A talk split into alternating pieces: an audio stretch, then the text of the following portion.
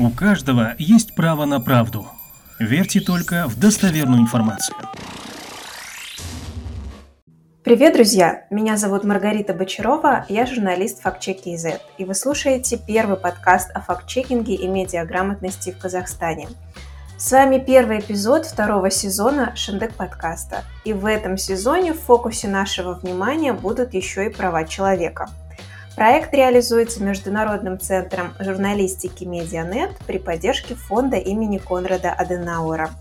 Сегодня мы поговорим о том, как пандемия коронавируса изменила наше понимание прав человека. И с нами Татьяна Чернобиль, юрист-консультант по международному праву в области прав человека. Татьяна, добро пожаловать! Здравствуйте! Мы все успели заметить, что пандемия спровоцировала сильнейший разгул фейков. Государства решили бороться с этим, в том числе вводя ответственность за распространение дезинформации. И скажите, как соотносится вот наше право на свободу выражения мнений с вот этими новыми мерами? А, соотносится странно, потому что само по себе существование этой статьи, а это уголовная статья, в нашем законодательстве всегда было порицаемым таким фактом со всех площадок. А ООН часто говорили Казахстану, что это статья 274, по которой был привлечен к ответственности, в частности, Альнур Ильяшев, активист, а, что ей не место в крайнем случае в Уголовном кодексе. То есть если человек э, чувствует себя а, жертвой распространения заведомо ложной информации с чьей-то стороны, он может, скажем, обратиться в гражданский суд, то есть в гражданско-правом порядке и взыскать с виновного а, вред какой-то.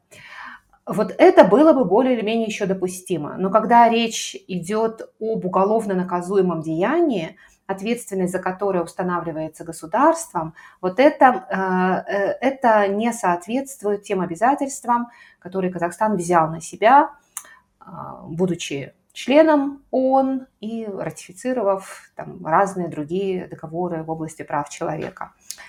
А, с другой стороны, с чем мы имеем дело во время пандемии? Действительно, распространение заведомо, заведомо ложной информации или слухов по-другому – чревато, так сказать. Да? Люди э, могут вестись на эту информацию, могут поддаваться этим слухам и могут саботировать э, ту же вакцинацию. А, что и, государство, получается, перед проблемой, перед определенной стоит. Ладно, государство, каждый, каждая из нас могут быть подвержены вот этому явлению, и с этим что-то надо делать.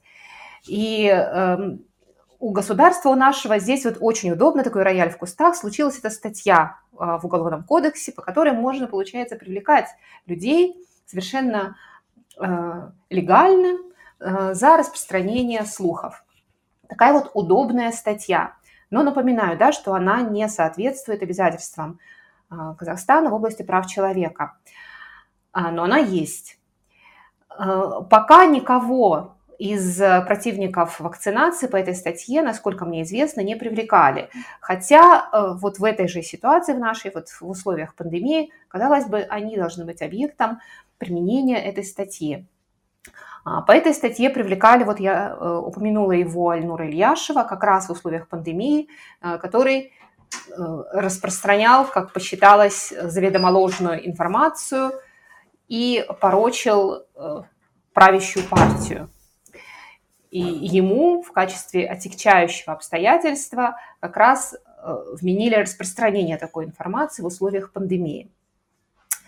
А, ну так вот, вернемся все-таки к противникам вакцинации, где, казалось бы, можно было бы э, что-то, какие-то меры предпринять. Ну вот э, к ним эта статья в Казахстане не применяется. А, что на этот счет говорят международные стандарты?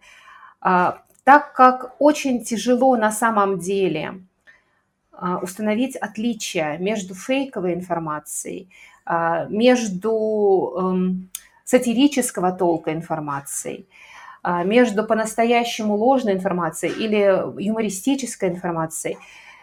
Очень трудно выявить вот эту грань, поэтому он рекомендует вовсе никого не наказывать в уголовном порядке за распространение fake news.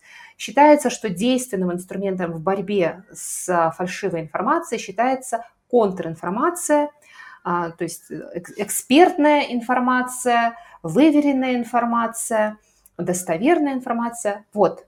Вот это действенный и, и рабочий, и работающий инструмент в борьбе с fake news, который э, и соответствует и принципам области прав человека, и, повторюсь, он работает. Потому что если э, через наказание все-таки бороться с, с заведомо ложной информацией. Ну и потом еще вопрос, да, вот заведомо. Для кого она заведомо ложная? То есть человек, который распространяет эту, эту информацию, даже те же противники вакцинации, спроси ты их, для них это не будет заведомо ложная информация, наоборот, они абсолютно уверен, уверены в ее правдоподобности. А, так что с этой статьей очень много вопросов, очень много вопросов, а, а, но проблема есть, и вот бороться с этой проблемой нужно через против, противопоставляя ей распространение не ложной информации. Вот. То, чем мы, собственно, факт-чеки и занимаемся. Абсолютно, да. От свободы выражения мнений давайте перейдем к другой свободе. Санитарные постановления не позволяют казахстанцам свободно посещать какие-то общественные места. Там от нас требуют безопасного статуса в системе АШИК – и вот как такие ограничения вписываются в саму идею права на свободу передвижения? А, кстати говоря, свобода передвижения – это больше, чем э, возможность человека сходить в магазин э, или в кофейню. А, вообще, с точки зрения прав человека, это возможность человека перемещаться в масштабах страны. Например, прописка – это вот про а, нарушение права на свободу передвижения. Возможность пересекать границы – Э, государств. Это тоже о праве на свободу, свободу передвижения. Вот то, о чем мы здесь говорим, это, наверное, это в меньшей степени свобода передвижения, э, это личная свобода, можно ее по-другому называть. Э, что опять касается условий пандемии. Здесь государство руководствуется своим обязательством обеспечить здоровье населения. И Э, вот держа это, так сказать, вот в уме, государство имеет право, опять же, согласно э, не только теории прав человека, но и практики, и всем обязательствам Казахстана того же, э, имеет право ограничивать ряд прав человека. К слову говоря, большинство из прав человека, а их 30, большинство из них могут быть ограничены государством. Большинство это я говорю про 25 плюс. То есть там всего немного э, прав, которые не подлежат ограничениям ни в каком случае. Вот право на свободу передвижения, а, оно не из числа абсолютных прав. То есть оно может быть ограничено государством, но такое ограничение, оно должно быть абсолютно подтверждено необходимостью, а, оно допустимо исключительно в демократическом обществе, а, и э, по соображениям, и вот здоровье населения одно из таких соображений. Там еще есть национальная безопасность, а, государственная безопасность, а, нравственность населения, права и интересы других лиц. Вот. Там закрытый такой перечень оснований, по которым государство может ограничить ряд прав человека. И право на свободу передвижения – одно из них. В условиях пандемии не только это право, мы знаем, ограничено, очень многие другие права, даже эм, сам, с, с, сама прививка, то есть вот, вот это сам, сам факт, что вторгаются в пределы физической автономии человека.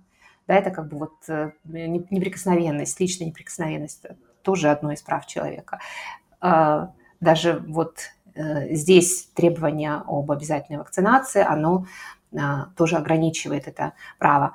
Здесь важно заметить разницу между ограничить права, и лишить человека прав человека.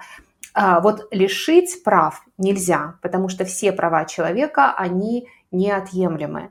Но а, ограничить, как я сказала, в большинстве а, прав человека государство имеет а, возможность, ну вот при наличии тех условий, о которых я сказала выше.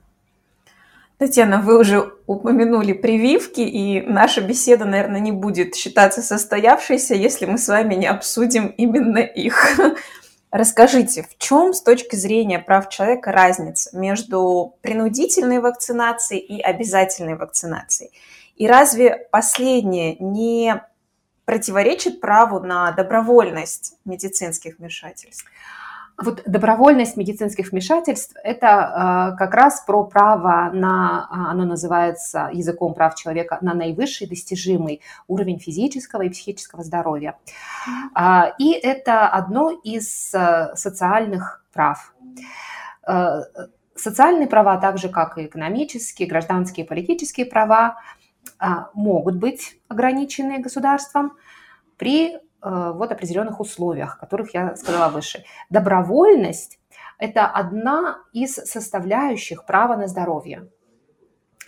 А, в ряде случаев э, это а, вот возможность человека, ну, способность, даже не возможность человека, способность человека а, добровольно идти на какие-то медицинские, медицинские манипуляции, она подлежит ограничениям. Например, люди, живущие с ВИЧ – да, мы знаем, что они охвачены э, рядом требованием, требований со стороны государства, а, или, или люди, болеющие туберкулезом, да, а, ну вот есть таких э, ряд обязательств, а, которые, с которыми человек должен считаться, вне зависимости от того, хочет, хочет он или она этого или нет. И вот, вот здесь тот же случай. То есть вот э, право на здоровье включая элемент добровольности, может быть ограничено государством. Вот. А, теперь вот наш случай, пандемия именно коронавируса, которая сейчас идет. А, может ли государство, вправе ли государство требовать а, вакцинации от каждого гражданина, гражданки своей страны? Необходимость эта подтверждена Всемирной организацией здравоохранения. То есть это факт. А, здоровье населения на карте, так сказать. И это дает возможность государствам ограничивать э, права человека. И эм, э, Европейский суд по правам человека в недавнем решении, в апрельском, по делу одному, одному чешскому а, как раз провел вот эту разницу между обязательной и добровольной вакцинацией. Там случай был маленечко другой, дело касалось э, других вакцин, детских вакцин. Э, там родители отказывались э, вакцинировать своих детей, и в сады этих детей не приняли на этом основании. Одного из родителей оштрафовали даже, небольшой штраф там наложили на него. Эм, и родители как раз говорили, что это принуждение, что это принуждение. А, и Европейский суд по правам человека сказал, э, что принудительная вакцинация, она влечет неизбежное наказание. А, то есть если человек отказывает, не принудительный, вернее, отказ от принудительной вакцинации, а, чреват наказанием. Это наказание может быть или в уголовном порядке, или в административном порядке. Ну, как, например, штраф может быть за отказ. В Чехии, кстати, не за отказ штрафовали, а э, за то, что человек в садик в результате устроил своего ребенка и пренебрег этим требованиям. А, вот. Итак, принудительная вакцинация, она а, э, это обязательное требование, то есть это что-то сродни насильственной вакцинации. И в этом случае люди при отказе понесут какое-то наказание, установленное государством. Обязательная вакцинация, она не, отказ от нее не влечет наказание со стороны государства. Все, вообще все, что касается прав человека, это взаимоотношения человека и государства. А, вот. Но требование это есть, и да, оно ограничивает ряд прав человека, не лишая человека при этом их. То есть эти требования распространяются ровно на период угрозы, существования угрозы. И вот это вот такое отличие обязательной вакцинации от принудительной. То есть вот принудительная вакцинация – это нечто, от чего ты не можешь вообще отказаться. У тебя выбор будет а, вакцинироваться или сесть, так сказать. Вот. При обязательной вакцинации тут есть варианты, так сказать. Есть варианты. А, да, это влечет социальную ответственность определенную. А, люди уже тут вот думают, вакцинироваться или Э, сесть на ветке, скажем, и не, не садиться внутри кафе, куда зайти только можно, предъявив, скажем, паспорт вакцинации. Но э, это, э, это сложный вопрос. С точки зрения прав человека, конечно, мы никогда с этим не сталкивались как человечество. Поэтому вот здесь государства пытаются как-то лавировать. Да, я понимаю все а, претензии людей, которые говорят, что хоть и нет наказания, установленного государством за отказ вакцинироваться, наказание есть а, де-факто, да, когда люди находятся под риском быть уволенными или а, их ставят в такие обстоятельства, в такие условия, что ты сам уволишься. Вот, кстати, а, по вот этому чешскому делу Европейский суд по правам человека на этот аргумент со стороны а, родителей этих детей э, непривитых сказал, что это уже последствия выбора родителей. То есть то, что детей не брали, не берут в сады, это не следствие требования государства вакцинировать, а следствие выбора родителей. То есть вот родители, получается, лишали детей а, возможности социализироваться в детских садах, а, но это уже следующий выбор. То есть вот, вот Европейский суд по правам человека так сказал, что это, это уже а, такие обстоятельства, которые человек сам выбирает. Вот так же, как в случае с увольнением. Нужно понимать, что в Казахстане увольнение за отказ вакцинироваться именно как основание, это незаконное а, обстоятельство. То есть по закону тебя не могут уволить на этом основании. Не могут. А, человек может выбрать пойти в суд в этом случае. Но мы не знаем ни одного случая, когда а, люди обратились бы в суд. Это, конечно, все, на это можно очень долго рефлексировать и долго об этом говорить. Здесь люди предпочитают все-таки смириться, и отсюда а, вот эти возмущения все в социальных сетях и так далее. Когда люди говорят, что у нас на самом деле нет выбора, это, конечно, а, вопрос доверия к судебной системе абсолютно, да, вообще в целом государству.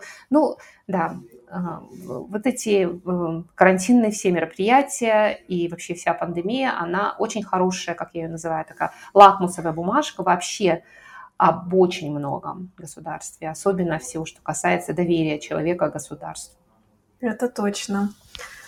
А, бизнесмены терпят убытки вследствие ограничений. Люди, мы уже упоминали, ограничены в своих возможностях э, пойти на работу, заработать деньги и вынуждены делать выбор, э, ставить себе прививку или э, оставаться дома. А, получается, что безопасность и здоровье общества как бы перевешивают там, мое экономическое право, мои экономические права или нет? А, вот, а, вот, вот, вот это вот, вот вопрос о том, а какое из прав предпочесть, так сказать, это вот вопрос, с которыми сталкиваются суды по правам человека или ООНовские структуры, когда рассматривают дела о нарушениях прав человека.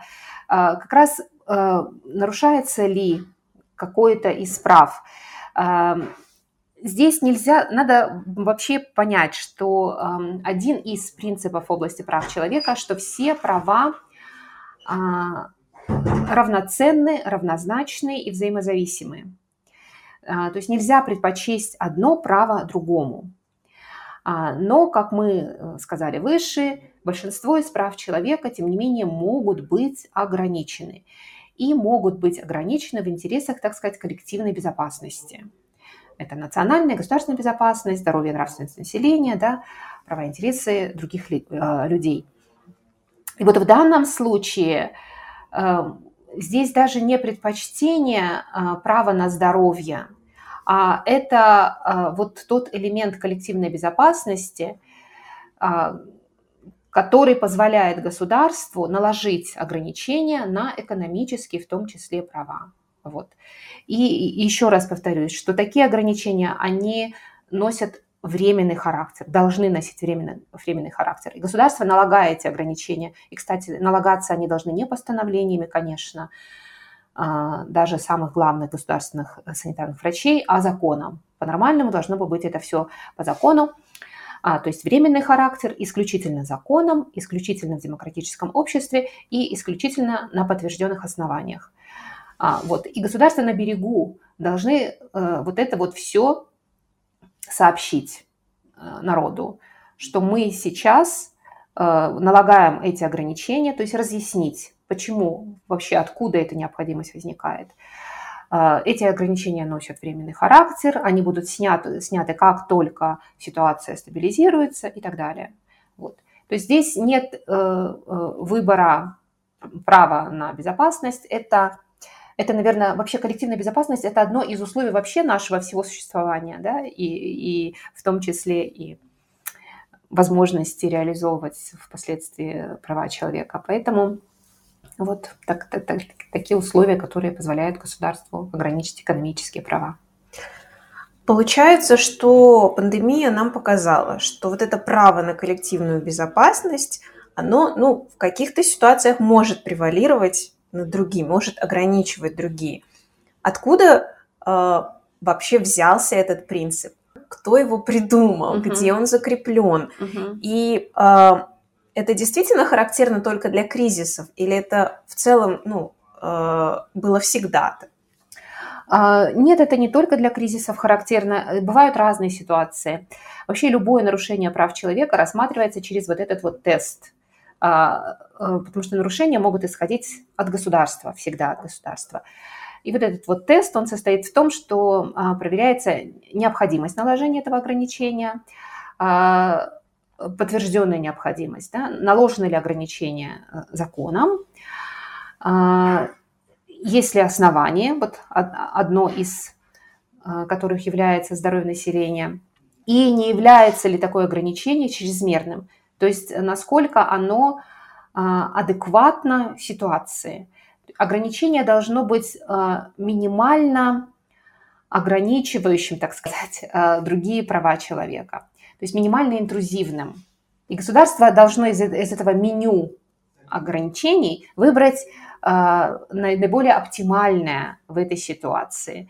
Например, когда активистку Бахаджан Таригожину в свое время за одиночный пикет а, посадили, ограничили ее в свободе, да, а, на какой-то срок, то есть это считается чрезмерным ограничением, ну там вообще было не просто нарушение а, ее права на свободу мирных собраний, вот, то есть вот э, это вообще невозможно сопоставить. Одиночный пикет в парке, которым она никому не навредила, и лишение свободы человека – это вообще максимальное возможное ограничение.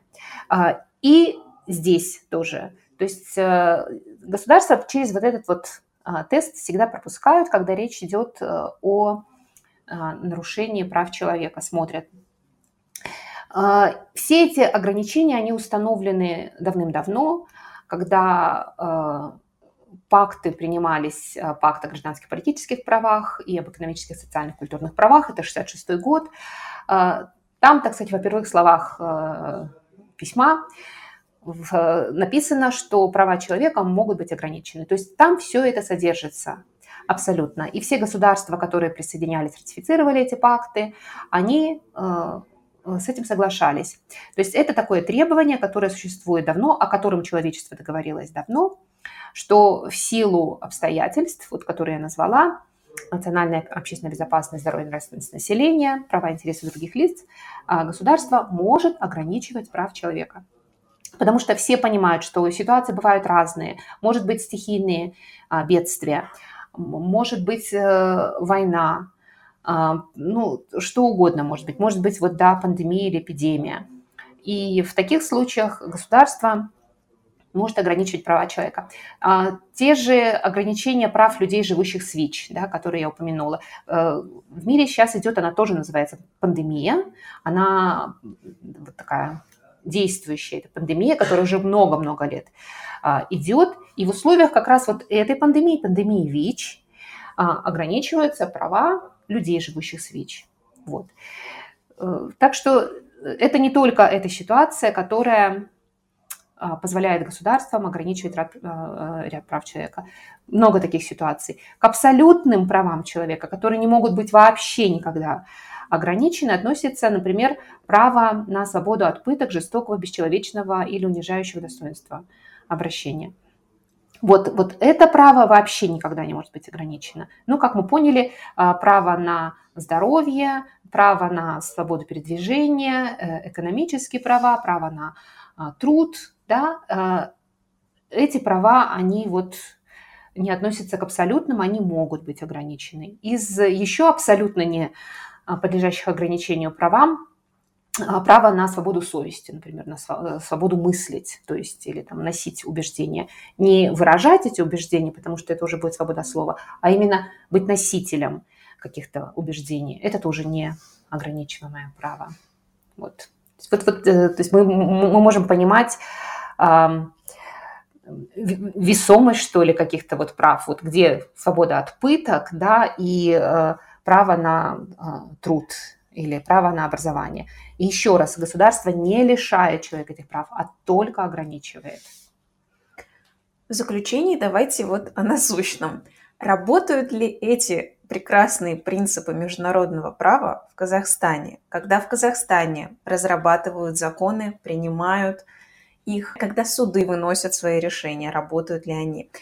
И как простому казахстанцу сейчас понять, в какой ситуации нужно идти отстаивать свое право, а в какой ситуации лучше простить, принять и смириться?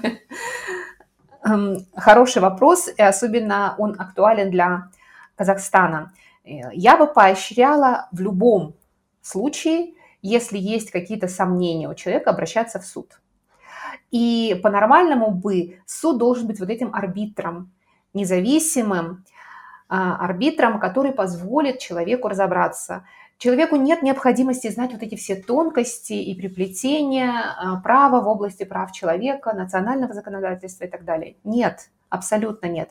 Если у человека есть какие-то сомнения, если есть ли какие-то претензии государству, а, суд вас разберет. Идите в суд, и суд э, должен истолковать а, наилучшим таким образом, где в приоритете будет человек, все, все, все, все вот эти вот сомнения. Вот. Так что я бы поощряла обращаться в суды. Но вот это опять же к тому, насколько казахстанцы доверяют судебной системе, насколько наши сами законы соответствуют международному праву в области прав человека, это уже другой вопрос, потому что суды-то будут а, судить по национальному законодательству, а не все национальное законодательство, оно соответствует международным стандартам в области прав человека. А, вот, поэтому эм, не человек должен для себя там, решать, с чем смириться, а против чего возмутиться. А, нет, э, это должны, должны бы делать суды. А, ну вот доверия у нас а, большого к судебной системе у людей нет, поэтому люди предпочитают смириться или задаваться вопросом, вот этим самостоятельно изучать какие-то а, какие стандарты в области прав человека. Я не, недавно тоже э, слушала подкаст, про, где обсуждали международные эксперты моральное, моральные обязательства. То есть там вопрос стал, стоял требования государства об обязательной вакцинации э, – это моральная обязанность э, граждан. То есть мы, мы а, обязаны вакцинироваться, потому что мы кому-то что-то должны, а, или это все же индивидуальные там, предпочтения, беспокойство о здоровье собственном человека. То есть к чему государство апеллировать в диалоге с народом, объясняя необходимость вакцинироваться. А, ну, здесь, конечно, возможны варианты. Кому-то зайдет, так сказать, а, то, что ты обезопасишь себя и близких, если ты вакцинируешься, а кому-то зайдет вот эта моральная составляющая, да, что если ты вакцинируешься, ты убережешь, а, ладно, близких, ты убережешь и широкое общество. Да, и вот тогда эксперты все согласились, подтвердили, что это из разряда моральных обязательств. То есть мы э, как европейский, опять же, вот в том же кейсе, Европейский суд по правам человека, мне очень понравилось, а, когда суд сказал, объясняя вот это требование государства обязательной вакцинации, что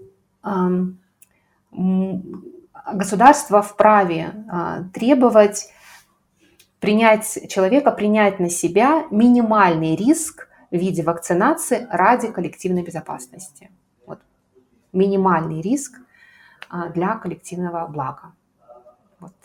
Прекрасное мнение высказал Европейский суд по правам человека. Татьяна, спасибо за этот разговор, а, за подробные объяснения. С вами была Маргарита Бочарова, первый эпизод нового второго сезона Шиндек подкаста, первого в Казахстане подкаста о факт-чекинге и медиаграмотности. Проект реализуется Международным центром журналистики Медианет при поддержке фонда имени Конрада Аденауэра. Спасибо, что были с нами. Надеемся, вам было полезно. Впереди еще много интересного. Оставайтесь с нами. Берегите своих близких от фейков.